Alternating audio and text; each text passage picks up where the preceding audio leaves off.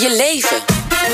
En dan nu, wat te doen als alle jongeren uit het dorp wegtrekken... omdat er geen betaalbare huizen beschikbaar zijn. Je kan dan natuurlijk afwachten tot de overheid het eh, woningtekort oplost... maar voor het Utrechtse dorp Het Gooi duurde dat veel te lang. Eh, dankzij geld van de lokale kerk eh, zetten de bewoners nu zelf een wijk op touwen. Hoe gaat deze wijk eruit zien en kan heel Nederland hiervan leren? Ik ga het vragen aan Hans Miltenburg. Hij is voorzitter van Stichting Mooit Gooi. En Stefan Groot is er ook, huizenmarkt-econoom bij de Rabobank. Welkom beiden, fijn dat jullie hier zijn. Uh, meneer Miltenburg, uh, wanneer gaan de scheppen de grond in in het Gooi? Als het goed gaat, uh, begin volgend jaar, denk ik. Kijk, ja. dus dat is al, dat is al rap. Uh, even wat, wat, wat feiten en, en cijfers, zodat we een beeld hebben van wat er dan precies gaat gebeuren. Hoeveel huizen gaan jullie bouwen? Het plan uh, omvat totaal 50 woningen. Ja, en, en voor wie zijn ze bedoeld? Voor die jongeren? Uh, 20 starterswoningen, vijf huurwoningen voor senioren. En de rest zijn een stukje betaalbare woningen en wat, wat luxere woningen. 283.000 euro gemiddeld? Dat zijn de starterswoningen, ja. Ja, ja. oké. Okay. Dus, dus het is echt de bedoeling dat er een gevarieerde groep daar een plek kan vinden... en dat het betaalbaar is voor starters? Ja, dat is de intentie. Ja, en waarom vinden jullie het zo belangrijk in het gooien? Nou ja, het gooien heeft behoefte aan uh, jonge mensen. Die, er wonen prachtige jonge mensen die trekken weg omdat er geen woningen, geen betaalbare woningen zijn. Klein dorpje, 700 inwoners. Ja, klopt. En um, uh, ja, de school heeft uh, kinderen nodig, de verenigingen hebben mensen nodig. Dus we moeten het dorp leefbaar houden. En dat lukt het best als die als die jeugd blijft. Ja, want, ja. want geen woningen voor, voor jonge mensen betekent echt dat het dorp uiteindelijk ja, niet meer uh, zal zijn zoals het nu is. Uh, verder vergrijst, ja. ja. En waarom dacht u dan, ik kan niet wachten op de overheid, we moeten zelf in actie komen? Nou, het is wij hoor. We doen het met een hele club. En ehm, ja, we hebben ooit we hebben aan het dorp gevraagd: wat willen jullie? Daar hebben we een agenda van gemaakt met medewerking van de gemeente. Agenda hebben we vertaald in een, een plan hoe dat eruit gaat zien. Want wat wilde het dorp?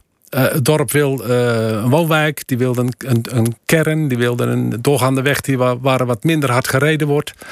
En dat konden we allemaal met dit plan uh, realiseren. En we hebben dat in heel nauw, nauwe samenwerking met de gemeente en de provincie kunnen doen. Het was echt een feestje om dat te mogen doen. Ja, dat zegt u nu, maar het duurde best wel lang. In het begin gebeurde er helemaal niks.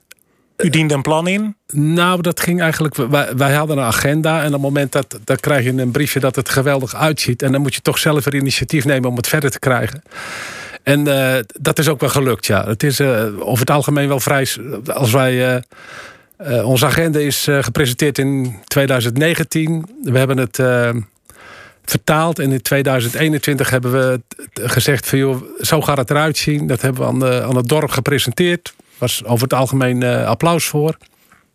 Een paar mensen die zeiden, ja, mijn uitzicht verdwijnt, daar zit ik niet op te wachten. Maar 90% van de inwoners is eigenlijk heel enthousiast. Ja, dat klopt, ja. En van die mensen van het uitzicht, die zijn er ook langzaam aan gewend aan het raken, voordat het er staat. Um, ja, en toen hebben we samen eigenlijk in, uh, in een half jaar tijd met de gemeente en de provincie een, een, prachtig plan kunnen maken. Kunnen presenteren aan het dorp. Eerst vier plannen, toen twee, toen één, na inspraak. Maar hoe weet u hoe dit werkt dan? Dat weet ik niet. Dat, het gebeurt gewoon. En, okay. uh, en, dat, en ja, wint mee, denk ik. en is er ook, ook al een moment geweest dat u denkt, nou, hoe hebben we dit over het hoofd kunnen zien? Dat u iets heel groots was vergeten, bijvoorbeeld? Nee, maar we hebben het geluk gehad dat we op een gegeven moment uh, de plaatselijke kerk zei: we hebben wat liggende gelden en kunnen we jullie helpen? Dus we hebben zelf onze architecten kunnen selecteren en uh, één jongen uit het dorp en, die en, en, en een landschapsarchitect. En die, ja, die hebben gewoon, die hebben het gewoon geweldig gedaan. Ja. Dus jullie doen het allemaal zelf. Ga ik even naar Stefan Groot, huizenmarkt-econoom bij de Rabobank. Ik kan me voorstellen dat u hier met heel veel interesse en een glimlach naar luistert. Ja, zeker. Uh, wat je ziet dat, dat eigenlijk dit type projecten... dat die eigenlijk op, op een aantal manieren uh, een heel belangrijke rol kan spelen. Want als ik kijk van wat zijn nou in Nederland de grote problemen van de woningmarkt... dus waarom stagneert die nieuwbouw zo... dan is het gebrek aan bouwlocaties, dat is zeker op de lange termijn... is dat een van de belangrijkste. En hier zien we eigenlijk dat uh, zo'n lokaal initiatief... dat dat er dan ineens toe leidt dat er dus een plek is... waar gebouwd kan worden. Ook op een manier die heel erg aansluit bij uh, de behoeften van van lokale bewoners. En dus ook een stukje van die weerstand die je vaak tegen bouwprojecten ziet, eigenlijk weghaalt daarmee. Ja, en ook op de lange termijn, hè, want je moet natuurlijk eerst moet je dan locaties zien te vinden waar kan en mag worden gebouwd. Maar vervolgens dan krijg je vaak ook zo'n traject waar dan ook weer allerlei bezwaarprocedures er tegen uh, zijn. En ja, we weten ook al uit onderzoek dat op het moment dat vanaf het begin af aan echt bottom-up de, uh, de lokale gemeenschap bij een project betrokken is, dat je dan vaak ook veel minder eh, bezwaren krijgt tegen ja. woningbouw. Dus dat draagvlak is groot en dat zorgt ervoor dat iedereen eigenlijk wel enthousiast is. Uh, gebeurt dat nog te weinig dan op andere plekken, meneer Groot? Dat, we, dat er nou, naar mensen wordt geluisterd?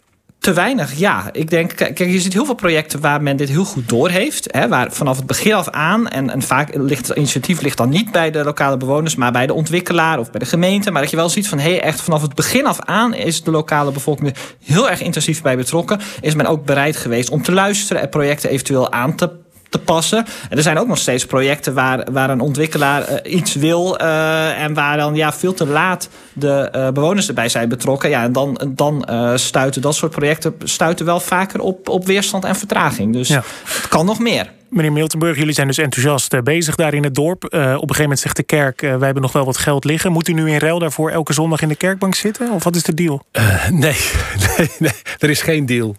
Het is op, op het moment dat de grond verkocht wordt aan een ontwikkelaar... komt, komt dat geld weer terug en betalen we dat weer keurig terug aan de, aan de kerk. Ja, maar meneer Groot, niet elk dorp heeft zo'n vrijgevige kerk natuurlijk. Dat, dat kan dan wel een probleem zijn.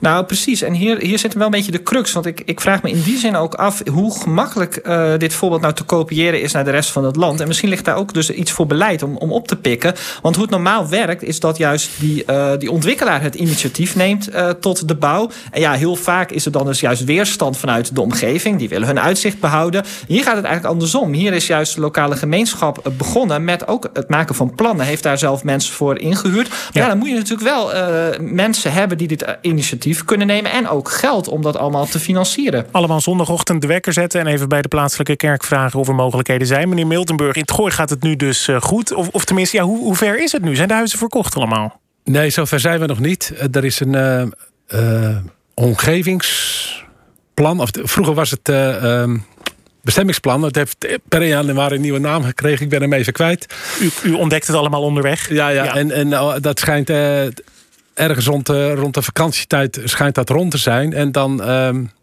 ja, dan kunnen de plannen verder uitgewerkt worden voor, voor het bouwen. Dus uh, het loopt eigenlijk uh, vrij volgens planning, ja. Ja, en, en heeft u zelf al een, een, plekje gereserveerd voor later? Want er worden ook oudere woningen gebouwd. We, we zijn met acht mensen in onze stichting Mooi het Gooi. En we hebben beloofd met, uh, met elkaar dat we er totaal niet beter van mogen worden... dat we anders gelijk weggaan. Dus ik heb geen plekje gereserveerd. Oké, okay. maar wat doet dit in het dorp? Want ik bedoel, ik kan me ook voorstellen dat het wel een soort kracht geeft... dat je denkt, we hebben dit zelf geïnitieerd... en nu lijkt dat allemaal te lukken. Ja, wij schrikken een beetje van de media-aandacht. Dat hadden we niet verwacht. Want we dachten dat we iets heel normaals deden.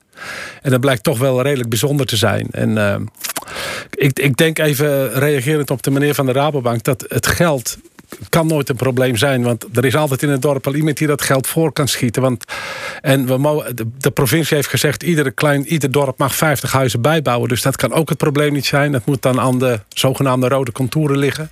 De, de bestaande bebouwde kom, zeg maar. Ja. Dus het enige probleem is, je moet met vrijwilligers heel veel uren erin willen steken. Dat hebben we gedaan. En met plezier. Dus, Kerkzicht, hè? zo gaat het heten.